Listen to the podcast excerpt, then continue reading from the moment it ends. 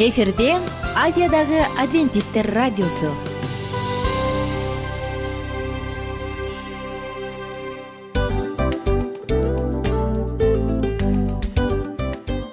Достор салют. Баардык сүйүктүү угармандарыбызга салам айтабыз. Кутман күнүңүздөр менен.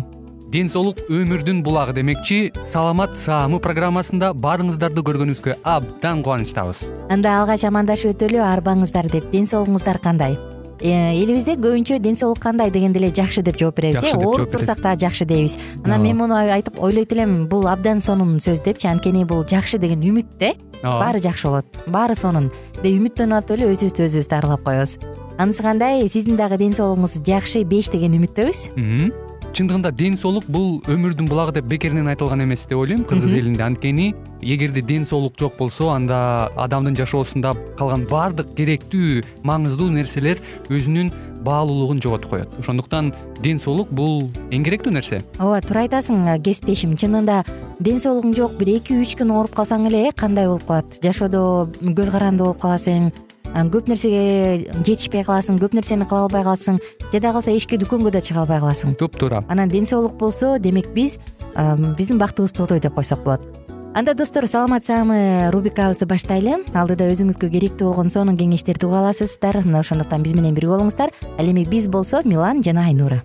Кеттик алга. Алга саламат саама ден соолуктун жарчысы. Саламат саама ден соолуктун ачкычы. Күн сайын сиз үчүн мыкты кеңештер сонун жаңылыктар кызыктуу фактылар. Биздин рубрикада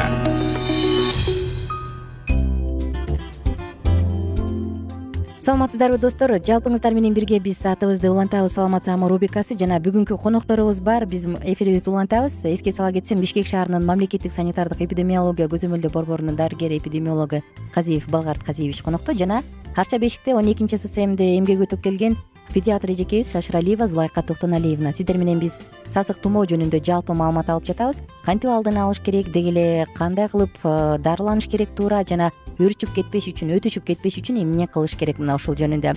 Суроом кайрадан эле зулайка токтоналиевнага болсун. Э, дарылануу жөнүндө айтсаңыз сиз педиатр болгондуктан бала чүчкүрүп бышкырып сасык тумоого чалдыгып калгандан кийин сасык тумоо менен ооруп калгандан кийин кандай дарылаш керек. Мурунку уктурууда эжекебиз айтып өткөн эске сала кетсем биз мурунду таза кармаш керек. Э, бул туз раствору менен э, туздун эритмеси менен мурунду жууш керек физ раствор менен мурун жууш керек. Жана ошондой эле температураны түшүрүш үчүн препараттар жазып беребиз деген. Ошол жөнүндө айтып өтсөңүз температураны дегенде көпчүлүк апалар баягы температура болуп атканда э, кайнак сууга малинанын кыямын чылап туруп анан беришет эмеспи. Канчалык деңгээлде туура бул коркунучсузбу же коркунучтуубу ушу сасык тумоо оорусунда эң коркунучтуусу ошо баланын температурасы өтө көтөрүлүп кеткен убагы өтө коркунучтуу да. Ошондуктан биз эң биринчи ушу э, көңүлдү ушу немеге температураны көтөрбөскө аракет кылабыз. Э, анан мына малина менен э, бериште эле бир жагынан эми качантан бери колдонулуп келаткан эле эме бирок ар кандай балдардын ар кандай аллергиялык жолдору бар да аллергетик балдар да э? бар да. Ошондуктан э, бул э, малина менен бергенде этият болуш керек да. Баланын аллергиясы дагы денесине ар кандай сыптар чыгып аллергия болуп кетиши да мүмкүн да. Ошондуктан кайнаган эле суу менен Э, кайнак суу эле берип турган эле жакшы да. Балага. Биз э, мурунду таза кармаш керек деп айттык кайнак суу бериш керек дедик. Тагыраак айтканда температураны кантип түшүрүш керек? Температура түшүрөм деп кээ бири арак сүкөшөт эмеспи бул кандай ыкма жок температура өтө көтөрүлүп кеткенде биз мурунку убакта ошо жана температураны э, түшүрүүчү жанагындай уколдор менен түшүрчүк да. Азыркы убакта аны деген биздин медицинадан алынып калган азыр болсо баланы эмне себептен алынып калды. ар кандай бул жерден осложнениялар берилип кеткен да бул эме менен. Ошондуктан азыр баланы температура болгон убакта эле баланы чечиндирип э, анан кийин же кадимки эле влажный э, тряпка менен эле э, баланы чечиндирип туруп ошо менен эле сүрөбүз. муздак тряпка болуш керекпи же кандай тряпка? жок жылымык сууга эле менен эле баланын денесин сүрүп салабыз. Дагы ошо бала анан ибуфен берип келишет көпчүлүгү дароо эле. ибуфен деле бул сиропко кирет бул дагы таттуу түрүндө болот да. Ошондуктан бул дагы аллергия берип кетиши мүмкүн. Обычный эле жанагы мурунтан бери колдонгон парацетамол эле колдонобуз таблеткасын. Арак менен сүртүп анан түшүрүшөт. Бул эмнеси коркунучтуу? Эмнеси менен туура эмес бул? Арак менен эме сүргөнү дагы эми бул деген спиртнойго кирет эмеспи арак дагычы. Ошондуктан бул организм дагы муну ар кандай кабыл алып калышы мүмкүн да. Ошондуктан эле коркунучсуз эле кадимки эле жылымык эле сууну колдонгон эле ылайыктуу дейм негизи кичинекей баланын температурасы канча градус болгондон кийин анан түшүргөнгө аракет кылыш керек. Э, биз э, отуз сегиз градустан өтүп баратканда эле ушундай чара колдонобуз да температурасын түшүргөнгөчү. Отуз сегизден өткөндөн кийин. ага чейин э, температуранын бир дагы организмге керектүү жагы да бар. Отуз сегизге чейин бул дагы ар кандай жанагындай вирустарды микробдорду температуранын дагы өзү жок кылат да ошондуктан отуз сегизге чейин биз э, отуз сегиз отуз сегиз жарымга чейин биз тим коебуз да демек баягы температура болуп атса демек организм күрөшүп атат деп коюшупа бул туура маалымат экен да э? жакшы оксалин жөнүндө жогоруда айтып бергенсизбиз эми табигый азык түлүктөр менен кантип дарыласа болот баланы? Антибиотиксиз эле эч нерсесиз негизи эле азыркы медицинада сиздер эмне жазып бересиздер балдарга ушундай сасык тумоо учурунда? Сасык тумоо учурунда биз эч кандай антибиотиктти колдонбойбуз бирок э, сасык тумоонун дагы жана бактериальный деген түрү болот. Ошол убакта э, антибиотиктти колдонушка туура келет. бактериальный болгондо аны кантип айырмалайт кантип билиш керек? Бактериальный болгон убакта баланын ошол моментте ичи дагы эметип калат да өтүп калат да. Ошол убакта биз Э, ошондой антибиотик колдонгонго туура келип калат. Жакшы.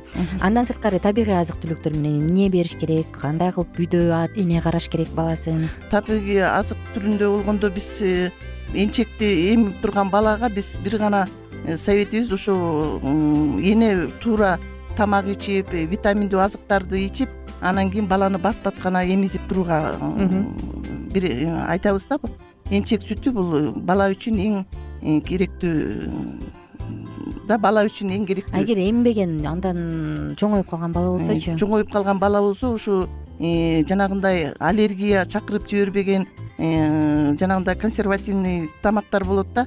Жанагындай ар кандай жанагындай консервативдүү деп коебуз жанагынтип чипсы фанта кола дегендер. Ошолорду ичпе аларды ичпегиле деп айтабыз да. Өзүбүздүн эле табигый эле кайнатма шорпо э, жанагындай витаминдүү эле жашылча э, өсүмдүктөрдү гана колдонууга уруксат беребиз аны эми айта кетсеңиздер негизи эле ушул пик учурунда оорунун туу чокусу болгон тим эле укмуш учурунда э октябрдан мартка чейинки учурда өзгөчө тыгыз иштешүү болобу ушул сасык тумоо боюнчачы. Үй бүлөлүк дарыгерлер тобу менен э, атайын үй бүлөлүк дарыгерлер менен эпидемиологдордун ортосунда мындай бир тыгыз байланыш болуп моунча оорутат моундай болот моундай кылат деп бир именно ошол гриппке каршы учур болобу же мындай жалпы жонунан эле көнүгүп калган калиа менен кете береби бул жок э, туура айтасыз бул боюнча эгерде көбөйүп баратса тыгыз байланышта күчөтүлөт үй бүлөлүк медициналык борборлору э, направление деп коет. Э, сиздер жөн гана көргөзмө гана берип турасыздарбы? Же обратно же кайтарым жооп алып туруп анан кайтарым бир нерсени андан ары чечесиздерби? Биз кайсы түрү өтүп атканын билип турабыз. Андан тышкары ошого жараша биз чечим кабыл алабыз. Андан тышкары үй бүлө андан үй бүлөлүк медициналык борборлору булар баягы госпитализация деп коет баягы жаткыра албайт да. Үйүнөн лечение алып үйүнөн жакшы болбосо сразу направление жазат. Биздин бишкек шаардык баягы инфекционный больница деп коебуз ошол жака жаткырылат. Эгер жугуш оорулар бөлүмүндө өтө э, курч кармаган оорулар болсо орбиден жана айтып өткөндөй эле температурасы түшпөй атса жөтөлүп атса анда баланы баягы курчутуп өтүштүрүп албаш үчүн э, алдын алуу иштерин жүргүзүш үчүн ошол госпитализация деп коет ошол жаткырылат. Биз алдыда дагы саатыбызды улантабыз биз менен бирге болуңуздар. Аты жөнүм айнура миназарова кызматта саламат саама ден соолуктун жарчысы. Саламат саама ден соолуктун ачкычы. Күн сайын сиз үчүн мыкты кеңештер сонун жаңылыктар кызыктуу фактылар биздин рубрикада. Салют замандаштар баарыңыздарга ысык салам. Дил маек программабызга кош келиңиздер. Дил маек рубрикасы дегенде эле бул эмне болгон дил маек ким менен маектешебиз деп сурайт болуш керек угармандарыбыз бул рубриканы кыскача тааныштыра кете турган болсок ар тарап кесип ээлеринен болгон сонун интервью кеңештер бар. Ооба. жылдыздар менен болгон маек бар. Аталарыбыздын агаларыбыздын чоң аталарыбыздан сонун кеңештер бар. Ошондой эле эже сиңдилердин кеңештери бар айтор. Баардык кызыктардын баары алдыда. Негизи эле адам баласы бир кимдир бирөөнө ишенип сырын ачкысы келет эмеспи э мындай баарлашууга жакын келебиз го. Албетте. Негизи бир жерге отуруп алып кенен шашпай баягы жүрөктөн жүрөккө ачып сырларыбызды ар кандай көйгөйлөрүбүз менен бөлүшүп баягы чын жүрөктөн маек курганды кимибиз сүйбөйбүз э? Ооба десең ал нерсеге суусап да келебиз да? Ооба кээ бирде адамга чындыгында баягы э, ысык маек баягы жылуу маек жетишпейт да. Ошондуктан биз ушул рубриканы ойлоп тапканыбызда эң биринчи эле достор сиздер менен чын жүрөктөн бир маңыздуу темаларды козгоп кеткени э, кааладык. Ошондуктан ушундай сонун бир рубриканы тартуулап жатабыз. Анын үстүнө радио дагы сонун дос да анткени э, мындай учурда досуңа айтсаң досуң досуна айтат досу досуна айтат да анан бүт өлкө билип калышы мүмкүн го. А радио болсо сени сатпаган сенин айыбыңды ачпаган сенин сырыңды эч кимге айтпаган сонун дос ошондуктан биздин алдыдагы айта турган кеңештерибизди биздин досторубуздун кеңештерин угуп анан ал жака пикириңизди дагы калтырып кайрадан биз менен байланышсаңыздар болот. Деги эле жашооңузга эгерде кичине болсо дагы өзгөрүү алып моралдык жактан нравовик жактан сонун бир кеңештерди алсаңыз демек биз максатыбызга жеттик. Ооба. Чыңгыз атабыз улуу жазуучу э, чыңгыз айтматов айткандай адам болуу бул күнүмдүк процесс экен. Күн сайын адам бойдон калуу бул адамзатка эң эле кыйын дейт э? э эң кыйын дейт. Чындыгында бунун негизинде адамдын эң баягы сапаттуулугу адамдын э, адамгерчилиги жана көптөгөн керектүү нерселер. Мына ошол темалар дагы бизде э, ушул дил маекте биз аларды да козгойбуз. Ден соолук жөнүндө да сүйлөшөбүз. Сөзсүз түрдө. Анан милан мырза негизи айтып коюшат го? Биз көбүнчө эмнени ойлонсок ошол нерсеге карата иш кылабыз го? Ооба. Анан анысы кандай балким бул радио баракчада кимдир бирөөнүн оюн текшергенге жардам берет кимдир бирөөнүн жүрөгүн текшергенге жардам берет. Балким кимдир бирөөгө жашоонун маңызын тапканга жардам берет.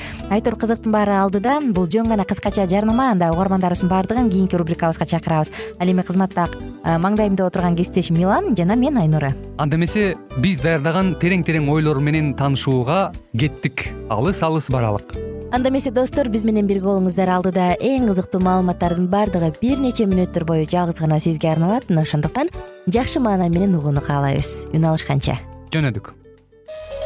Ар түрдүү ардактуу кесип ээлеринен алтын сөздөр жүрөк ачышкан сыр чачышкан сонун маек дил маек рубрикасында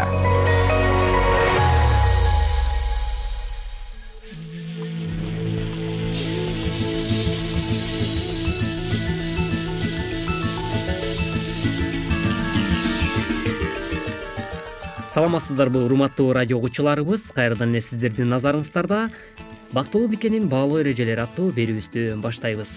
Бүгүнкү программабыздын темасы балдарга мектептеги бааларды э, жакшыртканга биз кантип жардам бере алабыз? Ушул туурасында бир нече кеңештерибиз менен бөлүшүп өтмөкчүбүз. Э, тактап айтканда балдардын э, окуусуна кантип көңүл бурабыз? Алар жакшы баада окуш үчүн ушул туурасында айрым бир кеңештерге бүгүнкү уктуруубузда орток болуңуздар. Андыктан биздин ободон алыстабай биз менен биргеликте кала бериңиздер. Кайрадан эле кызматыңыздарда аты жөнүм мен улан кубанычбеков жана ошондой эле менин кесиптешим. Саламатсыңарбы жана мен асель мамбетова. Биз ата энелер балдарга мектептеги баалардын жакшыртканга кантип жардам бере алабыз? Балаңар сабакка көңүл бурбай үй тапшырмасын аткарбай жаткандай сезилип жатабы. Эгер бала чындап эле сабагын окубай калса эмне болот баалары да жүрүм туруму да начарлап кетет. Анда балаңарга мектептеги бааларын жакшыртканга кантип жардам бере алабыз? Биз эмнелерди билишибиз керек? Кысым көрсөтүү көйгөйдү күчөтөт. Балаңарга кысым көрсөтсөңөр. Ал мектепте да үйдө да стресс болот. Анын кесепетинде калп айтышы начар баа алганын жашырышы күндөлүгүнө силердикине окшоштуруп кол коюп коюшу же сабактан кача башташы мүмкүн ошентип көйгөй күчөгөндөн күчөй берет. Андыктан ардактуу угармандарыбыз жана ошондой эле сүйүктүү урматтуу ата энелер сөзсүз түрдө бул көйгөйлөрдү чечүүдө эмнелерди кылышыбыз керек ушул туурасында дагы бир нече кеңештерибизди айтып өтмөкчүбүз. Негизи эле балдарга сыйлык берүү э, бул дагы алардын жашоосуна тескери натыйжасын тийгизип калышы мүмкүнбү. Бул туурасында дагы айтып кетпесек болбос. Бир ата эне мындай дейт кызыбызга жакшы окуганга түрткү бериш үчүн. Жакшы баа алып келсе сыйлык берип койчубуз. Бирок кийин кызыбыздын ошон үчүн эле окуп калганын байкадык. Себеби жакшы баа албай калса ага эмес сыйлык албай калганына көбүрөөк капаланчу. Ошондуктан ушундай нерселерди дагы эске алып койгонуңуз абдан маанилүү экен мындан сырткары дагы эгерде сиздин балаңыз мектепте кандайдыр бир ийримдерде жетише албай жатса анда мугалимдерди күнөөлөө эч убакта жакшы натыйжасын тийгизбейт. Бул жаатты дагы эске алып койгонуңуз жакшы. Мугалимдерди күнөөлөө жакшы натыйжа бербейт. Эгер ошентсеңер балаңар күч жумшабай эле ийгиликке жетсе болот деп ойлоп калышы мүмкүн ошондой эле күнөөсүн башкаларга оодара салганга жана көйгөйлөрүн бирөө чечип бергенге көнүп калышы ыктымал кыскасы балаңар эр жеткенге керек боло турган нерсеге кылган иши үчүн жоопкерчиликтүү болгонго үйрөнбөй калышы мүмкүн. Адатта ардактуу ата энелер бул туурасында дагы эмне кылсаңар болот? Сабырдуу болууга дагы умтулууга аракет кылыңыз. Ачууланып турсаңар балаңар менен баалары жөнүндө сүйлөшпөй эле кое турганыңар оң бир ата эне мындай дейт. Жубайыбыз экөөбүз балабызды урушпай. Айткандарын түшүнүүгө аракет кылганыбызда натыйжасы жакшы болот деген экен андыктан ардактуу ата энелер сөзсүз түрдө балдардын дагы кулк мүнөзүн түшүнүүдө биз жөн эле балдарыбызды кур жебе сөздөр менен уруша берүүнүн ордуна тескерисинче алардын көйгөйүн түшүнө турган болсок анда бул өзүнүн жакшы натыйжасын тийгизет экен ошондой эле көйгөйлөр эмнеде экендигин дагы аныктаганга аракет кылыңыз адатта балдардын начар окушуна мектептеги зордук зомбулукка кабылышы башка мектепке которулушу экзаменден коркушу үй бүлөсүндө көйгөйлөрдүн болушу жетиштүү уктабашы күн тартиби жок болушу жана көңүл топтой албашы себеп болот. Балаңар жалкоолуктан эле окубай жатат деп ойлогондон качкыла сөзсүз түрдө демек бул нерселерди дагы ар бир эле ата эне жашообузда эске ала турган болсок анда балдарыбызга дагы туура көңүл буруп жана аныктама чыгарганга дагы жакшы мүмкүндүк берген болот экен. Мындан сырткары дагы биз балдарыбыздын жакшы окушу үчүн ылайыктуу шарт түзүп бергенибиз дагы абдан маанилүү болуп эсептелинет балаңарга окуп үй тапшырмасын аткарганга убакыт бөлүп бергиле. Сабагын эч нерсе анын ичинде телевизор же телефон алаксытпай турган жерде окушуна кам көргүлө. Балаңар жакшы көңүл топтой алышы үчүн үй тапшырмасын бөлүп бөлүп аткарышына жардам бергиле. Айрым ата энелер мындай деп кеңеш бериптир. Баламдын экзамени жакындап калганда акыркы мүнөткө чейин чоюп жүрүп албай күнүгө кичинеден кайталап турабыз дейт чындап эле экзамен жакындап калган алдында эле даярданып калбастан күн мурунтан балдарыңыз менен биргеликте ошол э, тапшырмаларды аткара турган болсоңуздар бул дагы э, баланын жетишкендигине эң жакшы бир салымыңызды кошкон болот экенсиз. Анын натыйжасында сөзсүз түрдө балаңыздын жакшы натыйжа алып келери дагы анык эмеспи. Бул нерсени дагы сөзсүз түрдө көңүл чордондо калтырбаңыз. Ошондой эле балаңыздын сабагына жакшы көңүл буруусуна дагы олуттуу түрткү бергенге дагы аракеттениңиз балаңар мектептен азыр кандай пайда алып жатканын түшүнсө жакшы окуганга түрткү алат. Мисалы математиканы билгенин аркасында чөнтөк акчасын туура колдонуп жатканын айтсаңар болот. Албетте бул туурасында дагы бир нече кеңештерибизге назар салыңыз. Балаңарга үй тапшырмасын аткарууга жардам бергиле бирок өзүңөр аны аткарып бербегиле кээ бир ата энелер мындай дешет экен кызыбыз бизге таянып алып тапшырмасын аткарганга өзү такыр аракет кылчу эмес дейт. Балаңарга үй тапшырмасын өзү аткарганды үйрөткүлө. Эгер балдарымдын бири начар баа алып келсе урушпаганга аракет кылам дептир бир ата эне эмне үчүн начар баа алып калганын жана эмкиде жакшы баа алыш үчүн эмне кылайын деп жатканын сурайм өзүмдүн да окуп жүргөнүмдө дайыма эле жакшы баа алганымды унутпаганга аракет кылам дейт бир ата эне ошондуктан ардактуу ата энелер адаттагыдай эле жалпы окуу жылы башталаардан тартып эле баардыгыбыз балдарыбыздын кандай окуп жаткандыгына көңүл бурганыбыз абдан туура болуп эсептелинет демек бул нерселерди дагы сөзсүз түрдө эсиңизден чыгарбастан балаңыз алгач эле мектепке кадам таштагандан баштап ал балаңыздын билимине көңүл бурууга аракеттениңиз. Адатта айрым ата энелер болсо балдары аябай жаман окуп жатканда гана эстерине келишет. Анан алар жакшыраак окуй башташы үчүн көп күч жумшашы керек болуп калат.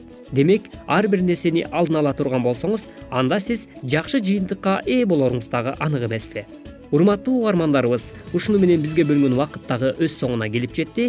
Бүгүнкү программабыздын чыгарылышында сиздер балдардын билим берүүсүнө ата эненин көңүл буруусу туурасындагы айрым бир кеңештерибизге орток боло алдыңыздар уктуруубузга назар салганыңыздар үчүн чоң рахмат.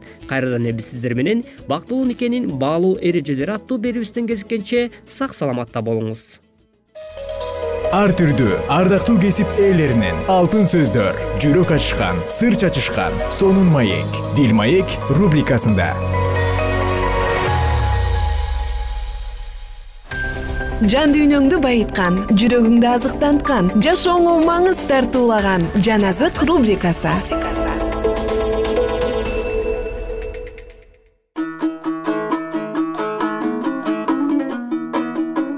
арбаңыздар кадырлуу замандаштар жалпыңыздар менен жан азык уктуруусундабыз жана бүгүн дагы сиздер менен бирге забур китебин улантууга даярбыз. Биз менен бирге болуңуздар көңүлдүү учурларды каалайм. Отуз үчүнчү забур. Абу мелектин алдында келесо болмуш болуп андан кутулгандагы дөөттүн забуру. Теңирди ар убакта мактаймын оозумдан түшүрбөй даңктаймын. Жаным теңир менен мактанат аны момундар угуп кубанат мени менен бирге теңирди мактагыла анын ысымын баарыбыз бирге даңазалайлы мен теңирди издедим ошондо ал мени угуп бардык коркунучтан куткарды. Ага кайрылгандардын көздөрү ачылды алар уятка калышпайт. Азап чегип жаткан адам чакырганда теңир угуп аны бардык азаптарынан куткарды. Теңирдин периштеси кудайдан корккондорду курчап турат аларды куткарат. Татып көргүлө ошондо теңирдин кандай жакшы экенин көрөсүңөр теңирге таянган адам бактылуу. Теңирден корккула кудайдын ыйыктары. Анткени кудайдан корккондор эч нерсеге муктаж болушпайт. Жаш арстандар жокчулуктун каарын тартып ачка калышат. Ал эми теңирди издегендер эч бир жакшы нерседен кур калышпайт келгиле балдарым мени уккула. Силерге теңирден коркууну үйрөтөм. Эгерде адам жашагысы келсе жыргал турмушту көрүп узак өмүр сүргүсү келсе анда тилин жаман сөздөн оозун жалган сөздөн сактасын. Жамандыктан баш тартып жакшылык кыл. Тынчтыкты издеп ошого умтул. Теңирдин көздөрү адил адамдарды көрүп турат. Кулагы алардын заң муңун угат бирок теңирдин жүзү жамандык кылгандарга каршы алардын ысымын жер үстүнөн биротоло өрчүрөт адил адамдар чакырганда теңир аларды угуп бардык кыйынчылыктарынан куткарат. Теңир чын дилинен өкүнгөндөргө жакын моюн сунгандарды куткарат. Адил адамдын кайгысы көп бирок теңир аны бардык кайгысынан куткарат. Ал анын бардык сөөктөрүн сактайт бир да сөөгү сынбайт. Күнөөкөрдү жамандык өлтүрөт адил адамды жек көргөндөр ойрон болушат. Теңир өз кулдарынын жанын куткарат ага таянгандардын бири да өлбөйт. Отуз төртүнчү забур. Дөөттүн забуру. Теңир мени менен күрөшкөндөр менен күрөш мени менен согушкандар менен согуш. Калкан суу от алып мага жардамга кел. Кылычыңды кынынан сууруп мени кууп келе жаткандардын жолун торо менин жаныма сенин куткаруучуң менмин деп айт. Мени өлтүргүсү келгендер уятка калышсын шылдың болушсун. Мага жамандык каалагандар артына качып абийири төгүлсүн. Алар шамал сапырган самандай болушсун. Теңирдин периштеси аларды кууп жиберсин алардын жолу караңгы жана тайгак болсун. Теңирдин периштеси аларды куугунтуктасын. Анткени алар мага себепсиз оор казышкан тор жайышкан менин айыпсыз жаным үчүн көр казышкан.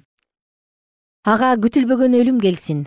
Мага жашыруун жайдан торуна өзү түшсүн торуна өзү түшүп өлсүн ал эми менин жаным теңир менен кубанат анын куткарганына шаттанат. Менин бүт сөөктөрүм теңир күчсүздү күчтүүдөн сактаган жарды менен жакырды каракчыдан куткарган сенде ким бар дейт? Жалган күбөлөр мага каршы чыгышты. Мен билбегендерди сурап суракка алышты. Жакшылыгым үчүн алар мага жамандык кылып жанымды жалгызсыратышты мен алар ооруп жатканда зумбал кийип өз жанымды орозо кармап кыйнадым. Башымды көтөрбөй кайра кайра сыйындым. Аларга досумдай бир тууганымдай мамиле кылдым. Энесине аза күткөн адамдай кайгыга батып башымды шылкыйтып жүрдүм. А мен мүдүрүлүп кеткенде алар кубанып топтошо калышты. Мени тилдегендер мага каршы чогулушту. Мени эмне үчүн токтоосуз кордоп жатышканын билбейм. Алар эки жүздүүлөнүп мени шылдыңдап тиштерин кычыратышты. Теңир муну качанга чейин карап тура бересиң? Жанымды алардын кыянаттыгынан куткар жалгыз жанымды арстандардын азуусунан куткар. Мен сени чоң жыйында даңктайм өтө көп элдин ортосунда даңазалайм мага себепсиз кас болуп жүргөндөр мени табалап карап турушпасын мени айыпсыз жек көргөндөр табалап бири бирине көз кысышпасын. Анткени алар тынчтык жөнүндө сүйлөшүп жатышкан жок тескерисинче жерде тынч жашагандарга жамандык кылууну ойлонуштуруп жатышат. Мени карап алып ии ии өзгө сөз менен көрүп жатабыз деп табалап жатышат. Сен муну көрдүң теңир. Унчукпай койбо. Менден алыстаба теңир кудайым теңирим ордуңан тур. Мени акташ үчүн мени коргош үчүн ойгон. Мени өзүңдүн акыйкаттыгың менен акта теңирим. Кудайым алар мени табалашпасын. Өз ичтеринен рас болду. Табабыз канды дешпесин. Биз аны жуттук дешпесин. Башыма кыйынчылык түшкөнүнө кара табасы канып кубангандар уятка калышсын шылдың болушсун. Мага менменсингендердин абири төгүлсүн уят болушсун менин акталышымды каалагандар кубанып салтанат куруп тынбай өз кулуна тынчтык каалаган теңир даңазалансын дешсин. Менин тилим сенин чындыгыңды жар салып ар күнү сени даңазалайт отуз бешинчи забур ырчылар тобунун башчысына. Теңирдин кулу дөөттүн забуру кудайсыздын мыйзамсыздыгын көрүп ичимен анын көздөрүндө кудайдан коркуу деген жок дедим анткени ал өзүнүн мыйзамсыздыгын жек көргөндөй аны мойнуна алгысы келгендей тур көрсөтөт. Анын оозунан чыккан сөздөр жалган жана аманкөйлүк ал акылына келгиси келбейт жакшылык кылгысы келбейт. Ал төшөгүндө жатып дагы жамандык ойлойт. Жаман ишке барат мыйзамсыздык кылуудан жийиркенбейт теңир сенин ырайымың асманга чейин жетет сенин ишенимдүүлүгүң булуттарга чейин жетет. Сенин адилеттигиң улуу тоолордой чечимдериң түпсүз тереңдик. Адамдарды да жаныбарларды да сактап турган бир өзүңсүң теңир. Ырайымың кандай кымбат кудайым? Адам баласы сенин канаттарыңдын далдаасынан башпаник табат. Алар сенин үйүңдөгү майларга тоюшат. Аларды өзүңдүн таттуу сууларыңа кандырасың. Анткени өмүрдүн булагы сенде. Биз сенин жарыгыңдан жарык көрүп турабыз. Сени билгендерге өзүңдүн ырайымыңды жүрөгү тазаларга өз эле адилеттигиңди көрсөтө бер мени текебердин буту тебелебесин күнөөкөрдүн колуна түшпөйүн. Ал жерде мыйзамсыздык кылгандар куулап түшүштү. Ал эми кайра тура алышпайт. Кымбаттуу замандаш сиздер менен бүгүнкү уктуруубузда дагы забур китебинен эки бап окуп өттүк. Кийинки уктуруубузда китепти мындан ары улантабыз. Күнүңүздөр көңүлдүү улансын жана кайрадан сиздер менен үн алышканча